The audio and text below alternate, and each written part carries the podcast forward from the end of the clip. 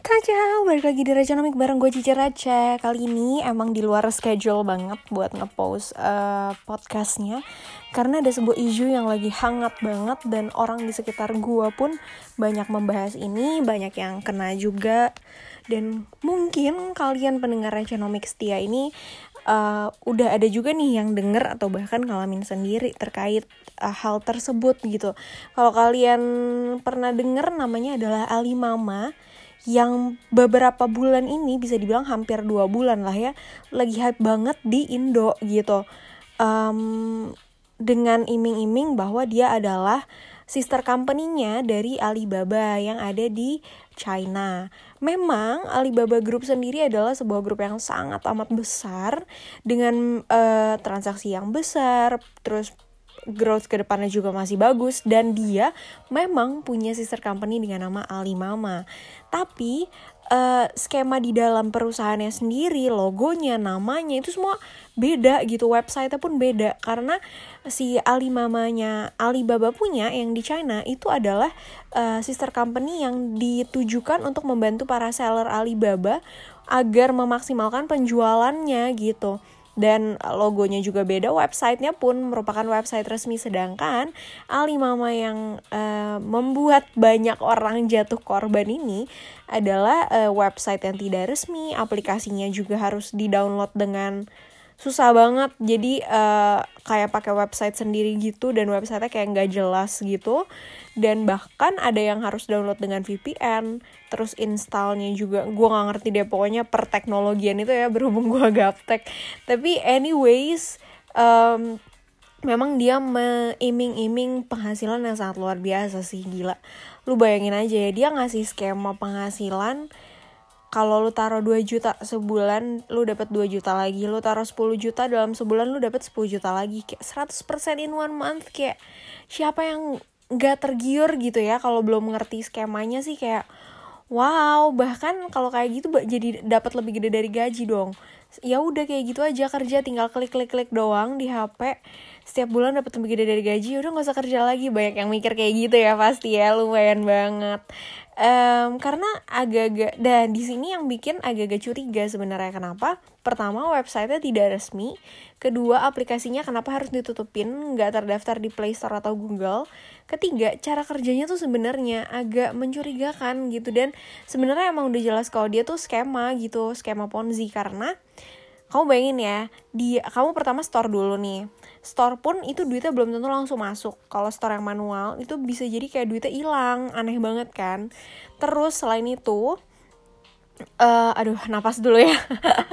Selain itu dia tuh kayak uh, kamu klik. Jadi ceritanya dia mama itu gini. Kamu klik dengan saldo yang kamu tadi udah store. Itu ceritanya kamu bikin fake order di beberapa aplikasi seperti aku sebut aja aplikasinya ya karena yang nggak bener Alimamanya bukan aplikasinya ada Lazada, Shopee, Tokopedia sama Taobao dan ada dua marketplace lagi aku lupa apa terus kayak ceritanya kamu dapat rebate berupa sekian persen dari transaksi itu memang ketika dilihat itu ada kayak itemnya, ada harganya, ada persentasenya gitu ya. Tapi kita nggak tahu itu uh, beneran apa fake yang which is sebenarnya itu fake lah itu bikin-bikinan gitu kan.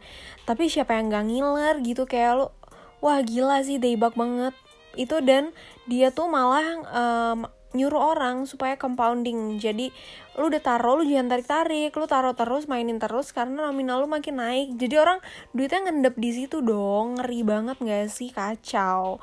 Terus uh, jadi sebenarnya kenapa orang banyak terjebak adalah karena pertama hasilnya menggiurkan yang kedua konsepnya itu uh, cukup apa ya bisa dibilang cukup udah uh, familiar gitu dengan orang Indo karena ada yang namanya shopback yang mana kita emang belanja dan dapat rebate. Jadi orang kayak wah bener nih gitu. Padahal persentase rebate-nya sendiri kalau di shopback itu sangat amat kecil dibandingin yang ditawarin di Alimama ini gitu.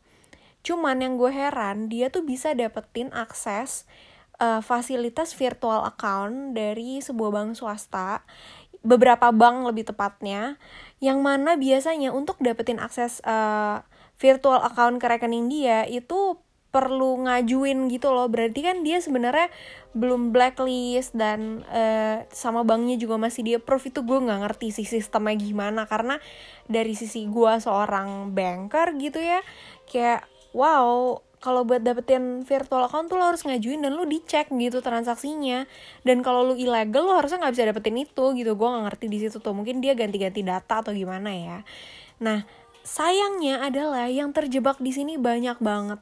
Jadi kemarin gue lihat di TikTok ada yang terjebak sampai 80 juta dan sampai saldo dia di rekening tinggal 200 ribu gitu kayak bingung mau makan apa. Terus ada yang bahkan gue liat di Instagram ada yang naruh sampai 3M.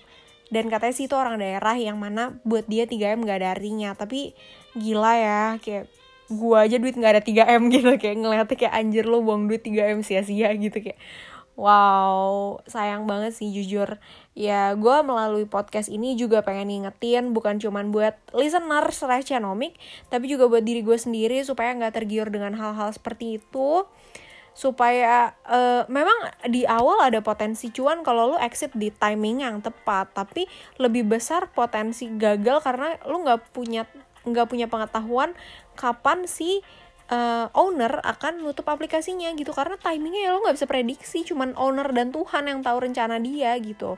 Jadi ya kita invest yang lurus-lurus aja geng. Walaupun dari recehan dari sedikit demi sedikit tapi percayalah apa yang dijadiin kebiasaan uh, habit yang positif itu akan menghasilkan sebuah result yang positif juga teman-teman. Jadi nggak perlu tergiur dengan yang instan karena percayalah semua butuh proses.